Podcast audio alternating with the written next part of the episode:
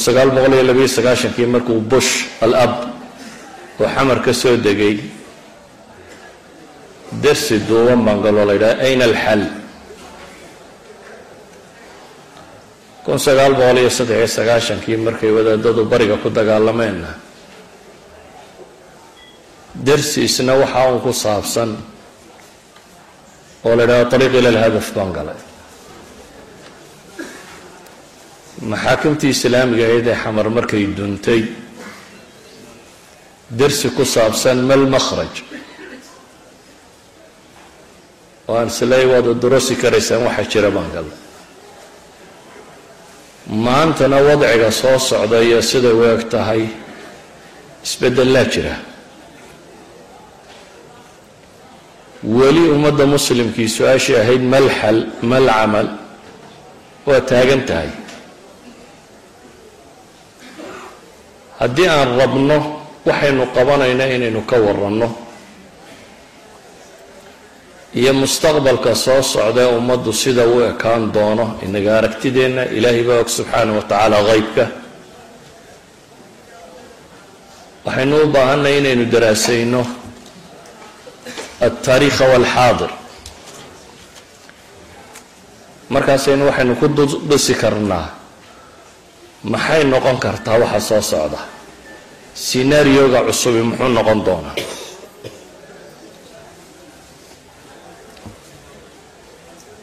Waxaan isku dayayaa inaan bal sawir kooban ka bixiyo sida wax u socdaan iyo sida wax yihiin hadda. Markaan taa garanna baynu odhan karnaa xaggaynu wax ka qaban karnaa ama maxaynu qaban karnaa? Waa ra'yi ka mida uun aaraada dadka indha-indhaynaya bulshada muslimka ah. Iyo dhanka ay u socoto. Wadciga raahinka aynu iminka ku jirna waa natiijo ka dhalatay taariikhda. Waa natiijadii ka dhalatay acmaashii bini aadamku uu sameeyey gaal iyo muslimba.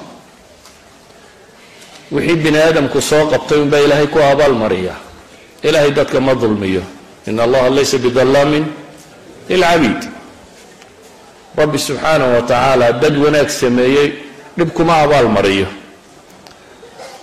dad xumo sameeyeyna wanaag laguma abaalmariyo ee nolosha bini aadamku ay ku jiraan waa bimaa kasabat aydiikum wayacfu can kaiir waaqacaynu hadda ku noolay dunidu qaab bay u dhisantay bacda alxuruubi alcaalamiya. Dagaaladii waaweynaa ee dunida ka dhacay kadib. Dagaaladii waaweynaa ee dunida ka dhacay waxay sababeen maalan dagaalkii koowaad ee dunidu wuxuu dhammeeyey wixii la odhan jiray alkhilaafa alislaamiya. Dowla alcuhmaaniya waxaa ugu dambeysay dagaalkii koowaad ee dunida. Nataa'ijtii ka dhalatay waxay noqotay in dowladdaas ay dunida ka baxdo jamhuuriyadda turkiga la yidhaahdaa inay ka dhalato ka timaado reer galbeedku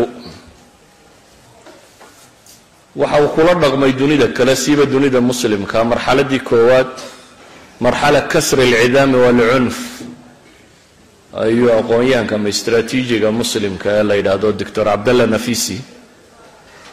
Wuxuu leeyahay waxay ku bilaabeen marxalo loo yaqaano marxala kasri alcidaami waalcunf oo madficiyo rasaas madfac iyo rasaas ummadda lagu lagu qabsado xoog baa lagu qabsaday caalam alislaami. Markii la qabsadayna waxaa la bilaabay marxalati tajzi'a qaybqaybin in la gobolo goboleeyo oo xariijimaha hadda dunida ka taagan. Waa nimankii xoogga badnaa ee dunida qabsaday xariijimihii ay dhigeen. Meeshay doonaanna way mariyeen meeshay doonaanna way ka weeciyeen caalam alislaami oo dhan waa la yswada suday qoloba gobol baa gobol yaroo kale raaciyay qabiilba inbaa meel lagaga daray. Dabeetana xariijimahaynu inimaka naqaana la dhigay. Intaa kadib waxaa bilaabantay baa la ydhaha marxalatu taqriib inay soo saaraan duul muslimiinta ka mid ah oo afka gaalada iyo dhaqanka gaalada sugay. Dhaqankooda iyo diintoodana wax magarato ka ah jahli uu kaga sugan yahay dhaqankoodii iyo diintoodii dhaqanka dadka kale leeyihiin iyo afafkoodana gacanta si fiican u bartay oo iyaga ka amar qaadanaya. Sida ay wax u arkaan si u dhadhowna wax u arkayaba. Nolosha siday u qiimaynayaan ama siday u odorosayaan kama foga sida uu ninka reer galbeedkii u arkayo ama se uma u odorosayo dagaalkii labaadee dunida wixii ka dambeeyey dunida inteeda badan waxaa ka teliyey dunida reer galbeed. Ama white man ninka la ydhaha ninka cad. Bariya galbeed kale noqday markii dambena dhan isugu biyo shubtay.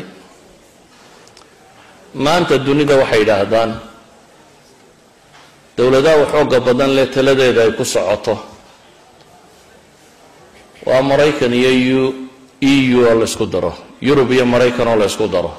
Waxay yidhahdaan adduwal almarkaziya. Dunida inta kalena waxay yidhaahdaan waa alatraaf dacallada. Duwalka markasigaa aragtidooda iyo siday wax u arkaan ayay dunidu ku dul wareegtaa inteeda badani. Waxaa jira waxay yidhaahdaan wasaa'il taxakum qaabkay u maamulaan dunidatan iyaga intii tamartooda ah dunida rabbaa maamula subxaana wa tacaala. Laakiin iyagu itaalkooda iyo xooggooda siday u maamulaan. Mar labaad haddaan ku noqonno aqoon-yahankaasi istraatiijiga ah brofesor cabdalla nafisi wuxuu leeyahay wasaa'il arbaca ayay dunida ku xukumaan. Afar shay baa keligood gacantooda ku jira ama inteeda ugu badan ay ku jiraan. Afartaa xadhig ayay dunida ka hogaamiyaan. Xadhigga koowaad waa silaax hubka. Dunida hubka ugu badan iyagaa soo saara warshadaha ugu waaweynee hubkana iyagaa leh. Suqa baamushtare hubka ugu tirada badan lana iyagaa leh. Dani waxay ugu jirtaa in dunida dagaalla ka socdaan. Dunida wada nabadi faa'iido badani uguma jirto. Haddana maadaama iyagu hubka u hayaan waxay isku dayaan inay xukumaan goormaa la dagaalami karaa. Goormaase dagaalku dhammaanaya yaa guulaysanaya yaanse guulaysanaynin. Yaa hub la siinaya yaanse la siinaynin. Yaa hubka laga iibinaya ku dagaalgelaya yaa sberbaadka hubka laga haynayaayoo dayaarado khaliya dabaabado aan shaqaynayn haysanaya. Dunidu qaabkay u dagaalanto inta ugu badan waxay isku dayeen inay gacanta ku hayaan. Xuduuddaa cidda ka soo gudubtana waxaa la isku dayaa in la cunuqabateeyo ama la dilo ama aanay suurto gelin oo hubka chemicalkaa dunida lagama ogola iyaguse way haysanayaan. Hubka nuclearkaa dunida lagama ogola iyaguse way haysanayaan. Hubka caynkana lama ogola iyaguse way haysanayaan. Waayo iyagu aala biruuxi bay soo arkaan. Waa dadkii mas'uulka ahaa. Idinkuna waxaa tihin hayru mas'uulkii. Marka alwisaaya calaykum waa in laydiin taliyaa inta garaadkiinu korayo. Qadiyadda labaad ay dunida ku maamulaan. Waa masalada loo yaqaano alkhamaat the resources. Gacantooda waxaa ku jira labada khaamo ee ugu weyn dunida. Waa waxa shidaalka la yidhaahdo. Shidaalku waxaa gacanta ku haya hal shirkadoo weyn oo maraykan oo la kala burburiyey. Standard oil shirkad la yidhahdaa jiray rockfiller nin la yidhahda uu lahaan jiray. Oo dowladda maraykan ee u aragtay xooggeedu inuu xad dhaafay oo dowladdu lafaheedaba uga baqatay oo dabeetana maxkamadooda sare ay ku xukuntay in toddoba shirkadood laga dhigo. Dabeetana shirkadaha caalamiga aad hadda taqaanin waa the seven sisterska waxaa la yidhahdaa waa standard oo la kala jejabiyey the seven sisters shirkadaha loo yaqaano oo maraykanku leeyahay ayaa dunida shidaalka sahamiya oo soo saara oo rara oo suuq geeya oo safeeya. Dad kale shidaalka maalan carabtoo kale iyo wixii la halmaala waxay ka helaan inta la cuno inta barjadka dowladda ah. Xataa investmentku waa inuu xaggooda noqdaa. Qoladaas lacagta wixii dheeraada iyaga agtooda waa in lagu invest gareeya. Shidaalka marka la yidhahdo dadku inta badan waxay u fahmaan kan lagu shubo un gawaadhida inuu yahay ma aha wuu ka badan yahay. Shidaalka in sideed iyo labaatan item oo dunida waxa ugu waaweynee la isticmaalaa baa laga soo saara waxa dunida daawo la sameeyo inta ugu badan shidaal baa laga soo saara waxa dhar la xidho polisters inta ugu badan shidaal baa laga soo saara waxa wax lagu nadiifiyo ama wax lagu maydho ama detergentska la ydhaha shidaal baa laga soo saara waxa fertilizerska la ydhaha beeraha lagu shubo shidaal baa laga soo saara waxa besticideska la yidhaahdo ee beeraha lagu buufiyo shidaal baa laga soo saara bal eh qalabkani hor yaalla hadda. Waxaa laga yaabaa caag iyo waxa kale inuu ka samaysan yahay ama combyuterkan horteyda yaalla caagag iyo qoraraday waxaanu ka samaysan yahay. Waxaanoo dhan shidaal baa laga keenaa. Yani siddeed iyo labaatan item by productka ka badan shidaalka caadiga la yaqaano ninka shidaalka dunida gacanta ku hayaa macnaheedu waxa weeyaan dhaqaalihii ugu badnaayee dunida iyo wax soo saarkeedii iyo resourcekeedii ayuu gacanta ku hayaa waa laga yaabaa maanta maraykan iyo kuwaasi shidaalka carabta inay ka maarmi karaan maadaama ay kii xajariga ha bilaabeen. Laakiin ma rabaan inay ka maarmaan oo dee duniday ugu taliyaan. China shidaalku qaadanaya jaban shidaalkay qaadanaysa iyo dunida technologyga wadataa waxay qaadanayso waa inu iyagu u taliyaan shayga afraad ay dunida ugu taliyaan waa waxa loo yaqaano asharciya duwaliya. Dunida waxay u sheegeen in united nation laga mid noqdo. United nationna waxay idhaahdeen anagunbaa qaanuunka iyagu ka socda vitoga iyaga socda. Iyaga nin ka mida hadlayo wuxuu leeyahy mujtamaca duwaligii wuxuu arkaa duwalkiinaasi ina maariqiin tihiin ama ka baxdeen xuduuddii bini aadamtinimada wixii dadka kale ka yimaada waa vito wixii masaalixdiisa ka hor yimaada waa vito. Wixii uu rabaana waa inay fulaan. Waa alqanuun duwali waxa la ydhaha ama sharciya duwaliya iyagu gacanta ugu jirtaa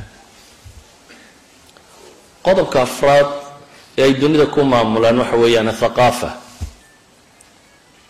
waa waxaan media lagu tilmaamo dhammaantii. Hadduu t v yahay hadduu raadiyo yahay hadduu internet yahay hadduu jaraa-id yahay hadduu majallaad yahay hadduu film yahay waxaas productka ugu badan ee dunidu ay dhegaysato ama daawato ama aragto iyaga soo saara. Waa waxa loo yaqaano jaamacaadka oo iyaga hogaamiya oo cultureka westerka westernka ay dhigaan. Waa waxa loo yaqaano yacni soft powerka waxay yidhaahdaan oo dhan alquwa annaacima awood aan namarna kuu geysanayn waxna kaaga tegayn bay yidhaahdaan. Waa alquwa annaacima waa lagu dili karaa iyadoo aan wax dhiiga kaa daadanin idan haddaad rabto dunida inaad eegto siday u socotaa waxaad u baahan tahay afartan qodobba inaad aragto. Waxaa intaa la socda baynu leenahay oo dhanka kale ah haddaad quwada aragtay ma niqaati dacfina waa jira. Waxaan leenahay ninka cad iyo maraykan iyo yurubiya inta daba socota civilizationkoodii xadaaradooda declination baa ku socda qimadii way gaadheenee foorarkay bilaabeen. Iyagu waxay ku dadaalayaan foorarku inaanu slob noqon. Aada steep mid aada u dheereeya inaanu noqonin. Ee mid sidaasa inuu noqdo cala alaqal quruun socon kara. Kow waxaa burburay waxay u yaqaaneen valueska alqiyam alakhlaaq. Dunida waa dhoweyd surwaalka jiiniska iyo xorriyaddu isku macnay ahaayeen coca-coolaha iyo cadaaladdu isku aragti bay ahaayeen. Yacni waxaa loo arkayay umamka dunida xorriyadda ugu yeedhaya dadku inuu xor noqdo. Umamka dunida cadaaladda u hogaaminaya ee dadka ugu yeedhaya in cadaalad bini aadamtinimadu ku dhaqanto inuu yahay reer galbeedka. Ghaswi fikriya ay bashariyadda ku sameeyeen. Waxaana loo arkayay inay maxay waxaasoo dhan iyagu hogaaminayaan haatanse aragtidii dunida ee masalada ku saabsanayd way isbedeshay dhacdooyin dhacay daraaddeed. Xabsigii abu qurayb la odhan jiray iyo guantanamiya wixii ka dhacay iyo afghanistan iyo ciraaq wixii ka yimi waxay abuureen in bashariyada dunidu ay fahamto xorriyadda iyo cadaaladdu sidii la moodaya inaanay ahayn. Valueskii awal westranka loo haystay inuu valuega ilaaliyo alqiyam inuu ilaaliyo inaanay ahayn. Hubuut alqiyam baa yimi. Waxaa kaloo ku soo biiray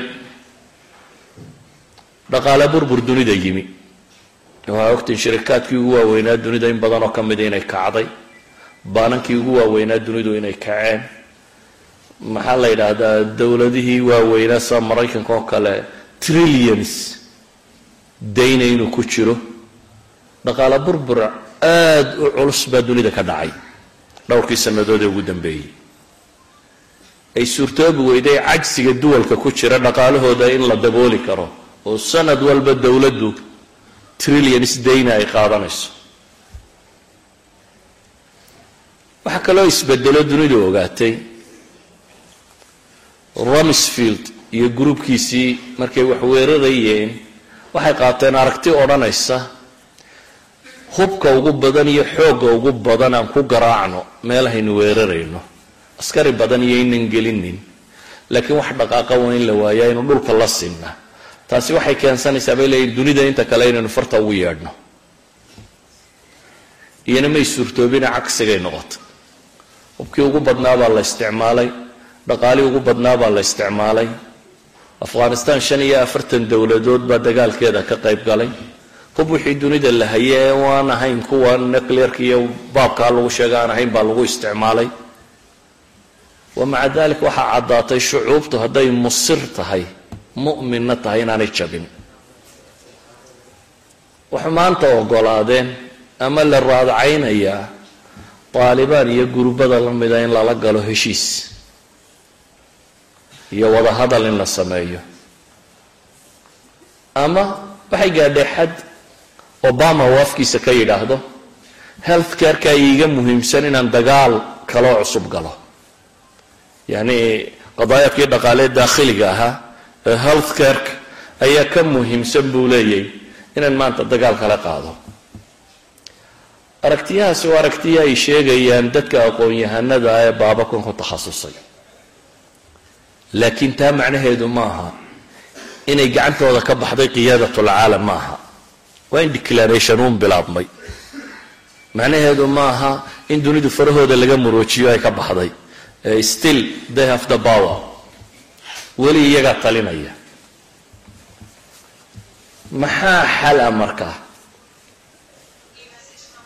dhanka kale markaynu u kacno caalam alislaami duwalkii ka jiray waxay noqon waayeen duwal dadka qanciya shucuubtooda dowladda waxaa la yidhaahdo laba shay baa lagu qiimeeyaa.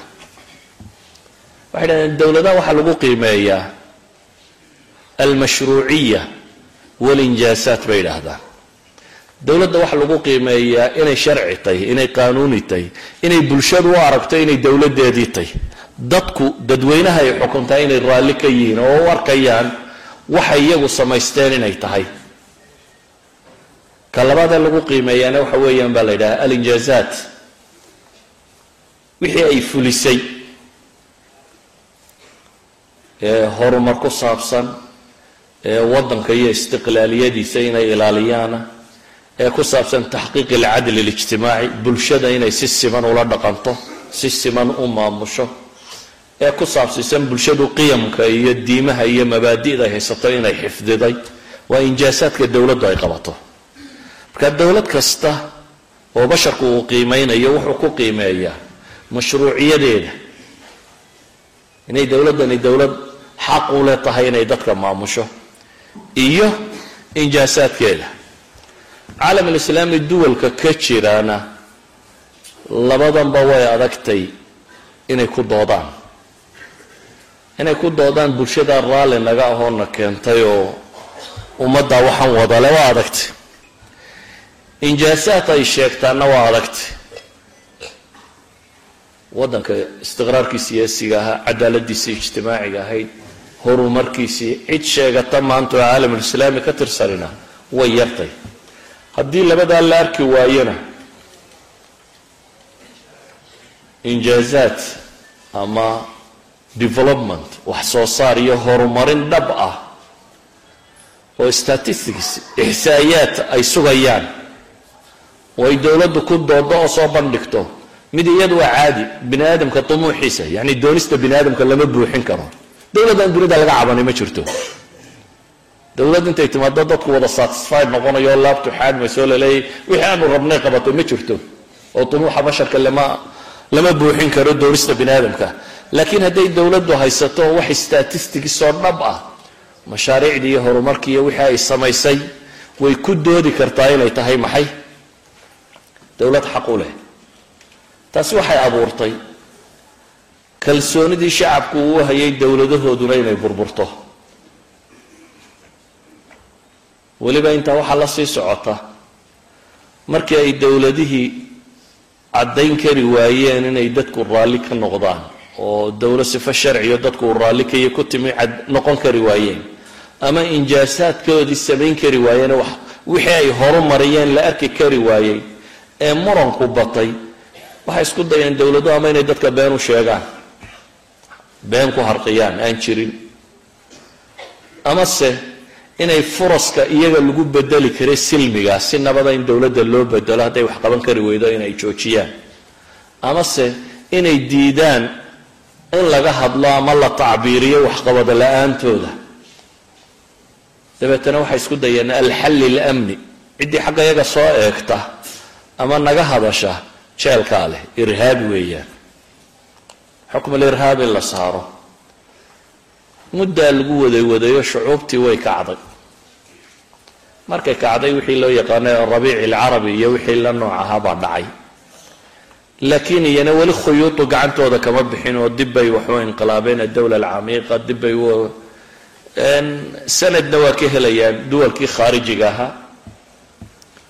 Tiyaaraadkii islaamiga ahaa badh ka midana cunfigay ku sii ziyaadisay iyo inay wax walba gacanka hadal xal uga dhigaan.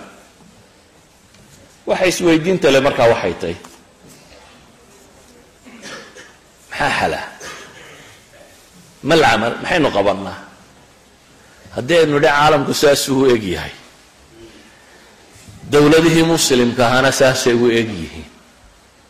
Maxaa la qabanayaa? Shucuurta islaamiga ahi bini aadamka kale ay la mid yihiin marka waxyaabaha qaar laga eego saddex qadiyadood baa hor taalla ama dadku saddex nooc bay noqdeen.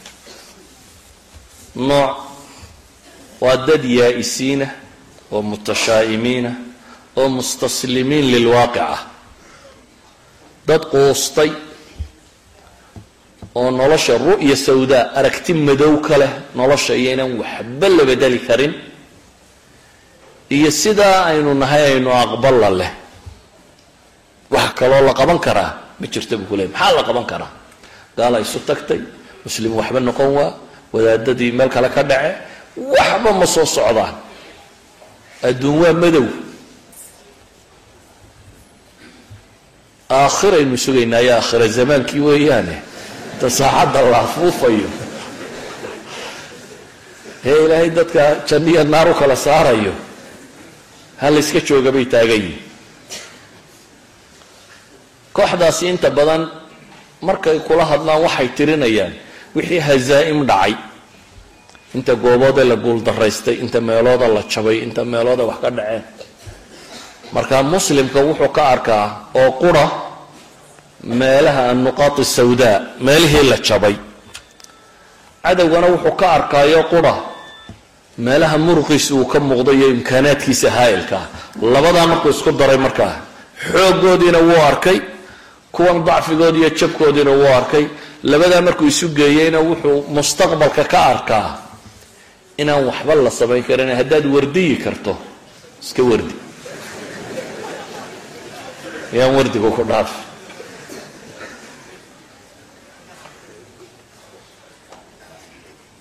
oo su'aalahay ku weydiinayaan waxa weeyaan hal min jadwa lima naquumu bihi? Waxaan aynu wadno ma waxbaa ka dhalanaya.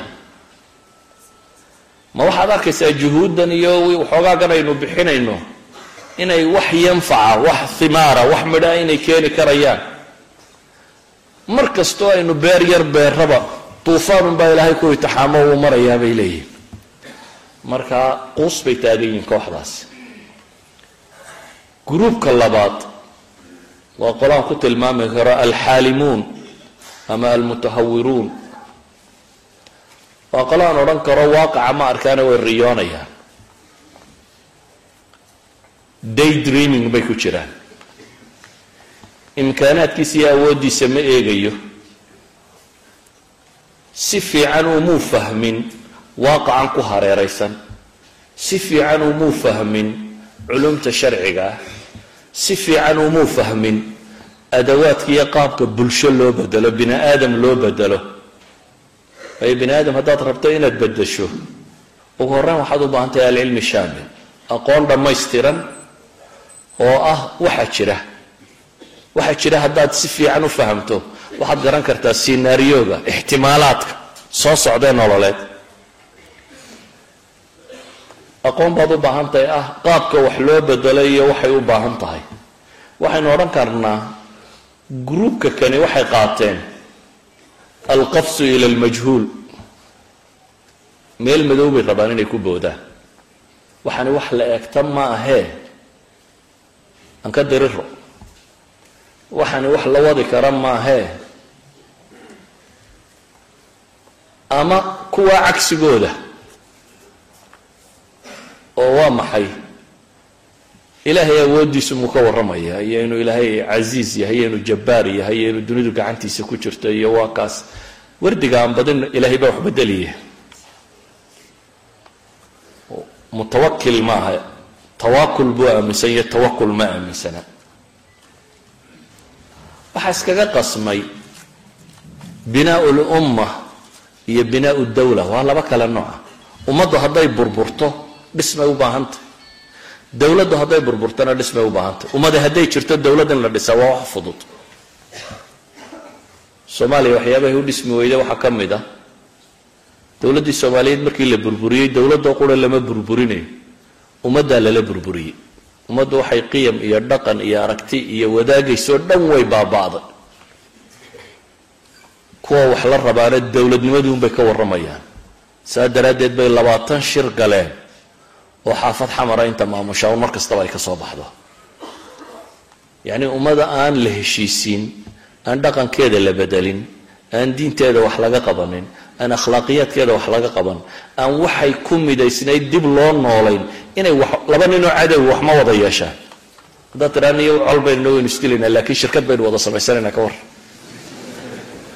Waa caqliga caadiga waxaanu aqbalaynin qabaa'il isdilaya reere kala guuraya dad isdilayo kule dowlad baanu wada leenoo dowladda soomaaliyeed baana la ydhaahdaa waxaan caqligu aqbali karin. Idan in ummad la sameeya ka horaysa inaad dowlad samaysatid. Dowladdu ashal maa takuun waa wax fudud muasasaatu dawla in la sameeyo. Wax thiyari badan iyo caqli badan u baahna. Laakiin haddaanay ummadi jirin muasasaad dowladeedoo kastoo aad samaysa ma soconayaan. Waayo ummaddu ma jirto. Haddaanay ummaddu jirinna wax ka sarreeya ma jirayaan idan gruubka labaadna waxaan u tilmaamayaa inay gruub xaalimiina yihiin.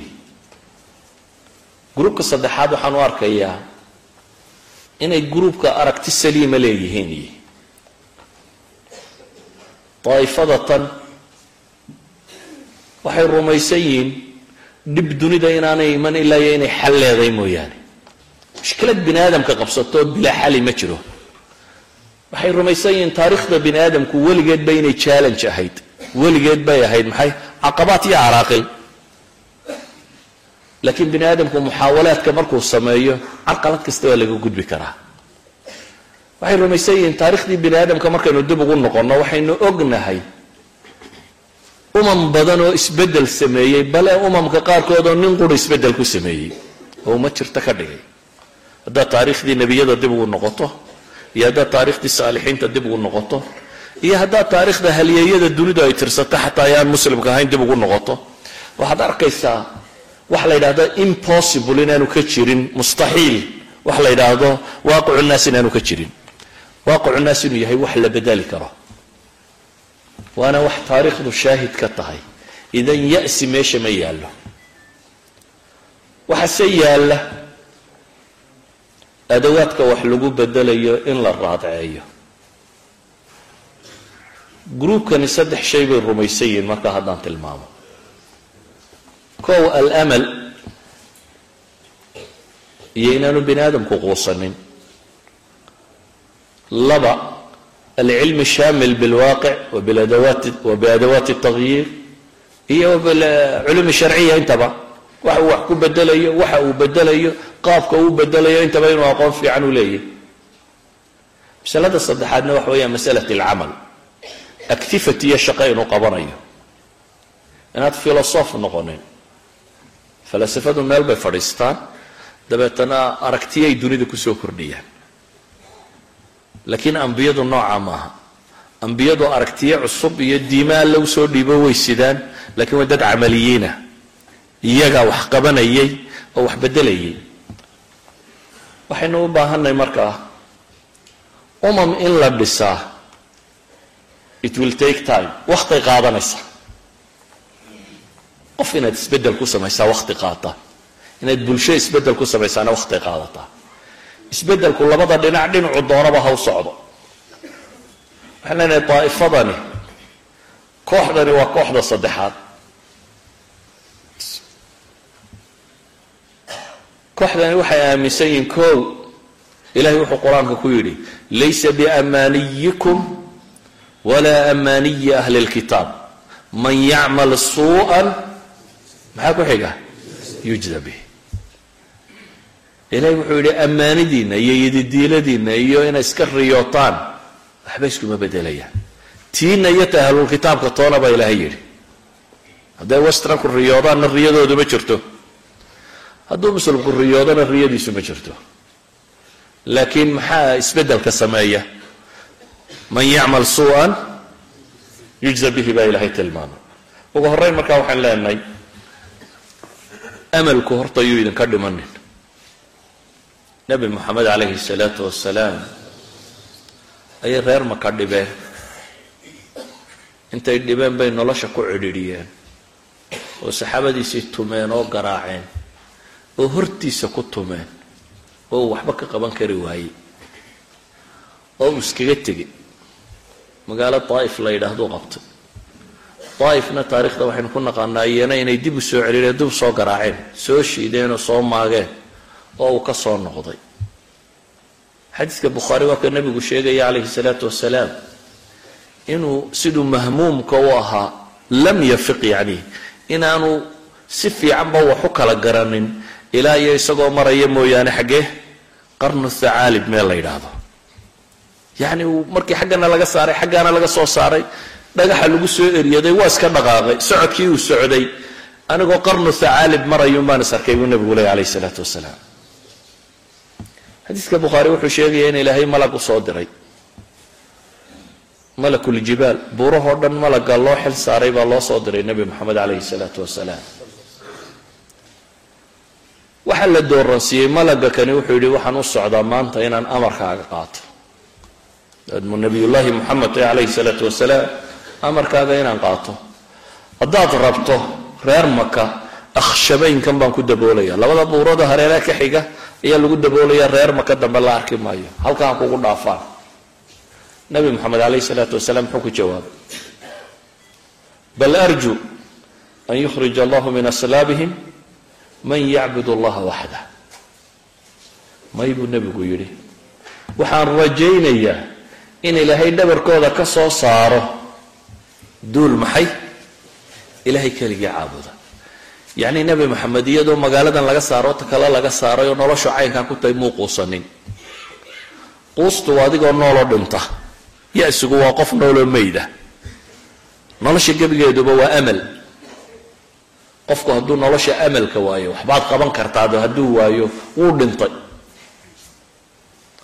Walidalik buu nebigu wuxuu inoo tilmaamaya calayhi salaatu wasalaam iyadoo dadku la nool yahay gaaladaa meel walba ka saartay ay tahay xataa iyaga hadduu u taag waayo inuu rajaynayo dhabarkooda in ilaahay uga soo bixiyo maxay? Man yacbud allaha waxda. Xaqiiqana way noqoto ilaahay baa dhabaradooda uga soo bixiya qurayshtaas iyo wixii la nooc ahaa ayay saxaabadu ka dhasheen kuwii dunidoo dhan labaatan iyo shan sano soddon sano waxaan konton sano gaadhin ayay dunida min spain ilaa iyo jayna agagaarkiisa inta ka dhexla gaadheen konton sano wax ka yar ayaa intaasoo dhan isbeddel lagu sameeyey. Leenahay marka hore ilaahay subxaana wa tacala qur'aanka wuxuu ku tilmaamaya in allaha laa yugayiru ma biqowmin xata yugayiruu ma bianfusihim dalika biana allaha lam yakun mugayira nicmata ancamaha cala qowmin xata yugayiruu ma bianfusihim labadan aayadood waxay tilmaamayaan labada dhanba khayr haddaad ku sugantay ina ilaahay khayrka kaa daadinin ilaa iyo takyiru lanfus uu dhaco mooyaane shar haddaad ku sugan tahayna inaan sharka laga bixin ilaa iyo maxay dhaco takyiir lanfus furaha bini aadamku waa caqaa'ida iyo wuxuu rumaysanya mabaadi'da ma aha xoogga iyo dhaqaalaha iyo waxa ka baxsan maaha. Waa insaanka waxa la ysku haystaa. Qofka bini aadamka weeyaan ka dhaqaalaha sameeya hubka sameeya media sameeya waxaan la sheegaya o dhan sameeya. Inuu waxaan sameeya waa so simple. Laakiin waxay u baahan tahay qofkan in la iswijgareeyo qofkan in la rogo siduu wax u arkayo si aan ahayn inuu wax u arko. Bini aadamka weeyaan waxay dunidu isku haysaa aayadda tani waxay tilmaamaysaa. Ama labadan aayadood waxay tilmaamayaan kow takyiirku inuu mumkin yahay wax suurtagala inuu ka yahay bulshooyinka. Ama xagga xun ha u socoto ama xagga san ha u socotee takyiirku waa mumkin wax joojin karaana ma jiraan. Intikaasaad in dib loo noqday in hore loo socdaa labadaba waa suurtagal. Aayaddu waxay sheegaysaa bulshooyinku inay koraan iyo inay dib u noqdaan labadaba waa suurtagal aayaddu waxay sheegaysaa ilaahay inuu wax bedelaa inay ka ratibanto iyaduna afcaasha bini aadamku sida ay isu bedesho takyiir lanfuska marka dadku isbedelo nataa'ijtuna inay isbedelasho idan waa in la helaa bulsho isbeddel raadinaysa oo waxyaabihii mekanismkii ama aaliyaadkii wixii wax lagu bedelayayna isku dayaysa ku hamiyeysa isbedelku marka waa suluuk bashari waa dhaqan bini aadam ilahina subxaana wa tacala wuu dhammaystiraa aayaddu waxay kaloo tilmaamaysaa isbedelku aaxaadu nnaas inaanu ku saabsiisnayn ee maa biqowmin baa la yidhi ummaddu ku saabsan yihi ummadda haddii majoritigeeda dhan loo bedelo way iswada bedelaysaa minority group laakiin ummadda ma maamuli karo. Koox yari. Dadka ma aftuubi karto. Laakiin majoritygu hadduu isbedelo aad isbeddel ku samayso way dhici kartaa ayuha alikhwa waxaan leenahay markaa mal camal camalku waxa weeyaan baynu leenahay kow inaynu waaqaca aragno oo si fiican isu bedelno waajibaadku nabiyullaahi muusa ilaahay awaamir fara muuse waxaa la yidhi waxaad gashaa meesha loo yaqaano maxay bayt almaqdis idkhulu alarda almuqadasata alatii kataba allahu dhulka muqadaska ilaahay idiin qoray baa la yidhi gala waxaynu naqaanaa inay ku jawaabeen nimankii reer banu israa'iil ma gelayno dad dullinimada bartay oo aan si fiican u kobcin waxay dhahay annagu ma gelayno niman xoog waaweyn baa joogooo nimankaasi hadday ka baxaan waa gelaynaa haddayse ka bixi waayaan annagu iska joogaynaa laba nin baa taliyo waxay yidhahdeen war haddaynu fulino ilahay martiisoo gallo waa guulaysanayna waa la diiday. Waxay yidhahdeen muusow adiga iyo rabbigaa tagoo markaa meesha furataan ayaanu idinka daba imanaynaa markaasaanu soo gelaynaa. Nebi muuse cid baa la socotay. Isagaa joogay haaruun baa joogay yuushac bnu nuun baa joogay. Reer banu israa'iilla ilahay wuxuu tilmaamayaa a'ima inay ka mid ahaayeen dad ahlu iimaan oo yahduuna bilxaq wa bihi yacdiluun. Muuse muu odhanin waa reer banu israa'iil inay diideen? Inteenna tani aan ku tawsiino inteenna tani guruubkeennani aan ku dayno. Ee wuxuu yidhi ilaahu cid ma hayo in yar baan hayaan. Waxaa la yidhi arbaciin sana ayaa tiihi ku jiraysaa. Arbaciin sana dabaqadii way madhatay meesha geli weyde dabaqa cusub oo la tarbiyeeyeyna way soo baxday. Takyiirkii lagu sameeyey. Nebiyullaahi muusena intii takyiirku socday buu dhacay. Ayuu dhintay. Wiilkii yaraabaa hogaamiyey ee yuushac bnu nuun ee xadiidka aynu garanayno ee uu nebigu ku tilmaamay in cadceedda xataa loo joojiyey. Isaga baytulmaqdes furtay yacni qofku isbeddelka in yaroo dadii ma samayso ee waxaa sameeya marka la helo bulshadii loo baahnaa. Waxaynu u baahannahay markaa mal camal. Ilahay wuxuu leey waqul icmaluu maxaa ku xiga? Fasayara allahu acmalakum warasuulu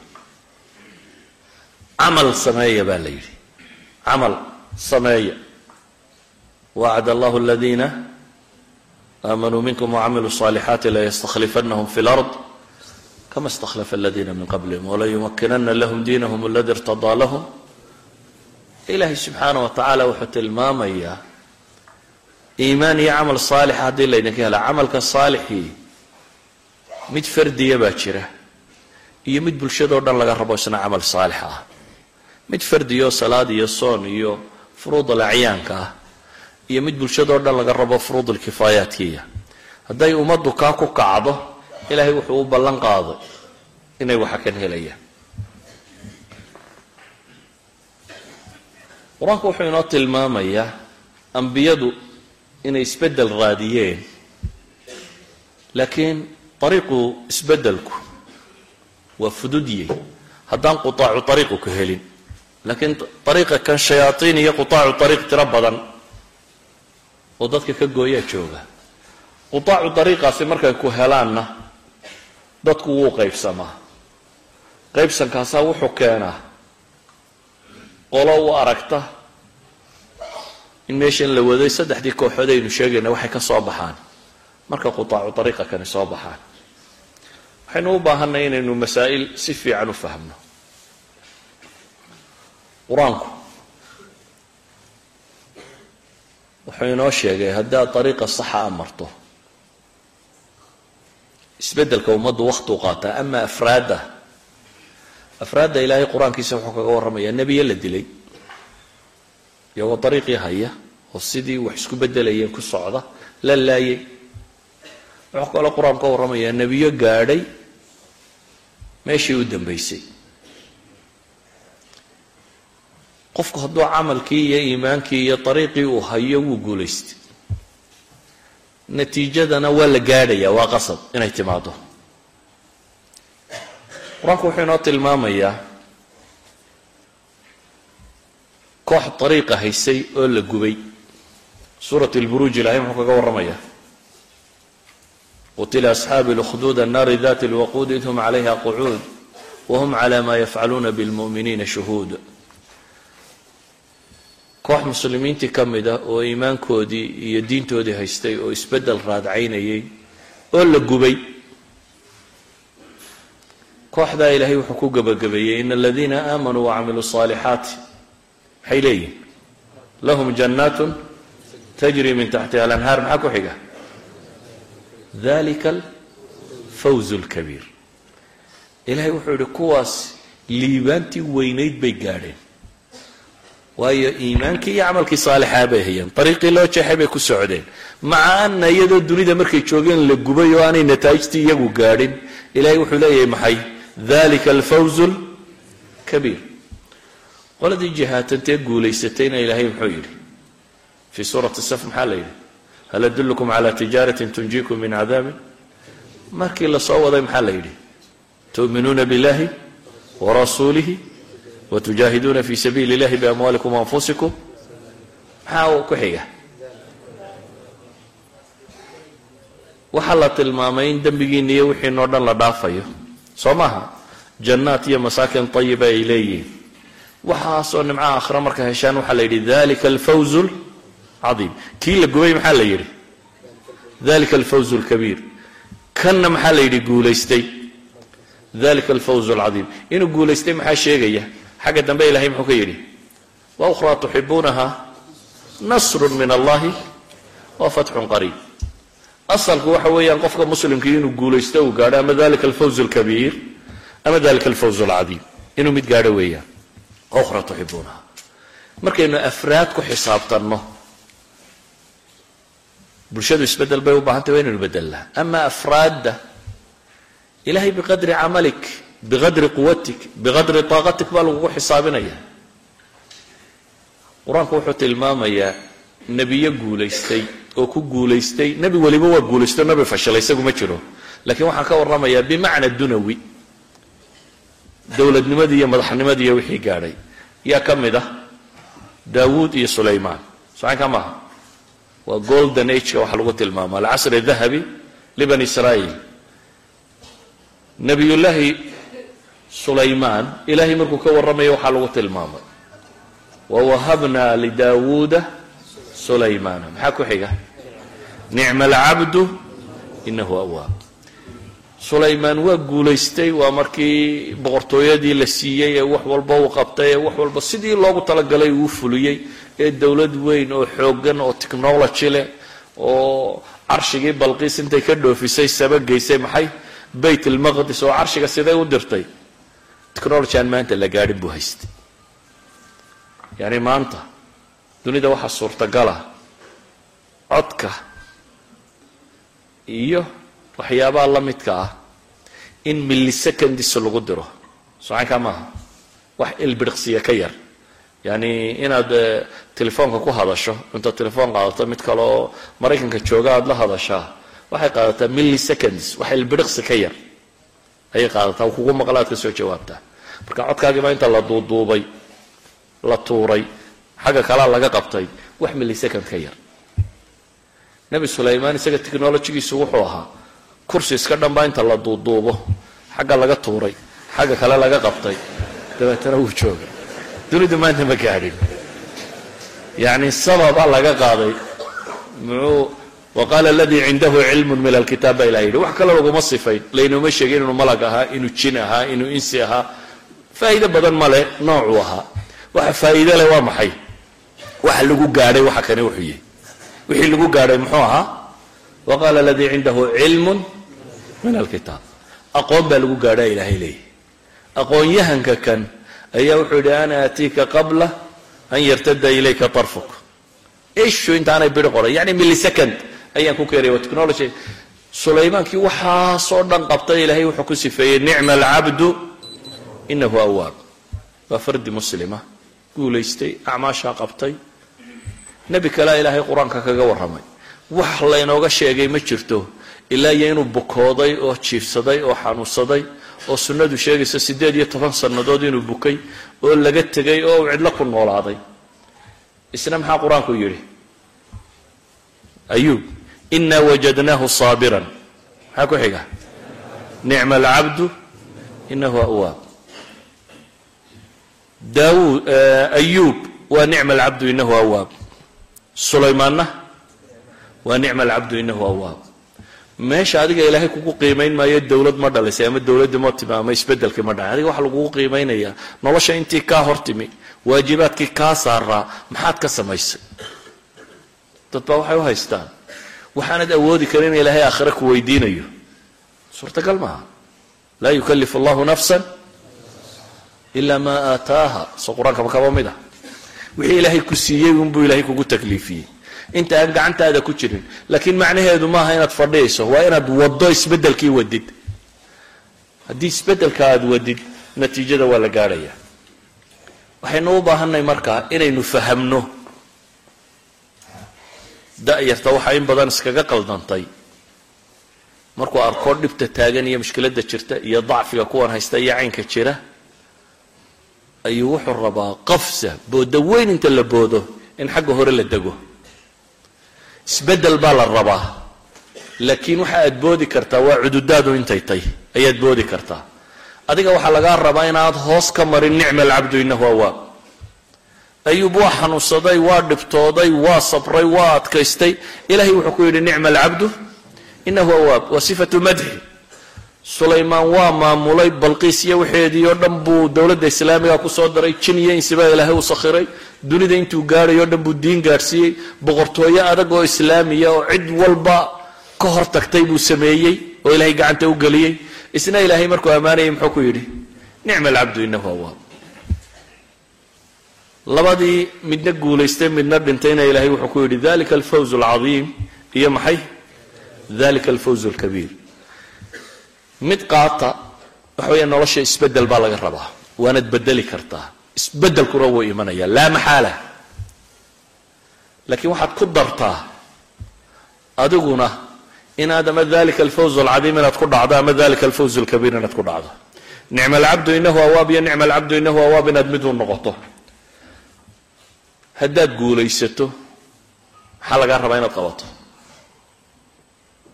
Ilaahay qur'aanka muxuu ku yidhi nebi moxamed markuu shaqadii loogu talagalay oo dhan soo qabtay aayaadkii uu ibnu cabaas lahaa geeridii nebigay sheegaysaa ilahay muxuu ku yidhi ida jaa nasru اllahi wاlfatxu warayta annaasa yadkhuluuna fi diin illahi haddaad aragta ilaahay guushiisiiyo kuu timi iyo furashadiioo dhacday iyo dadkiioo diinta koox koox soo galay ood natiijadii gaadhayso maxaa lagaa rabaa inaad samayso?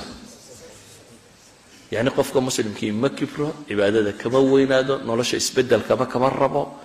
Shaqada lagaa rabo haddaad guulaysatana waa fasabix bixamdi rabbika wastakfirhu haddaanad guulaysan shaqada lagaa rabaana waa fasabixhu fasabix bixamdi rabbika wastakfirhu weeyaan. Ilahi wuxuu yidhi badanaa nebi inta uu dagaalamay oo maciise kuwa rabbi loo nisbeeyey la dagaal galeen. oo qaatal iyo qutil labada qiraabo waa soo aroreen. dagaalamo oo caynkan. Ilahi wuxuu leeyay famaa wahanuu wama stakaanuu lima asaabahum fi sabiili illah wama dacfuu yani waxaa la tilmaamay wahni kuma dhicin may niyad jabin.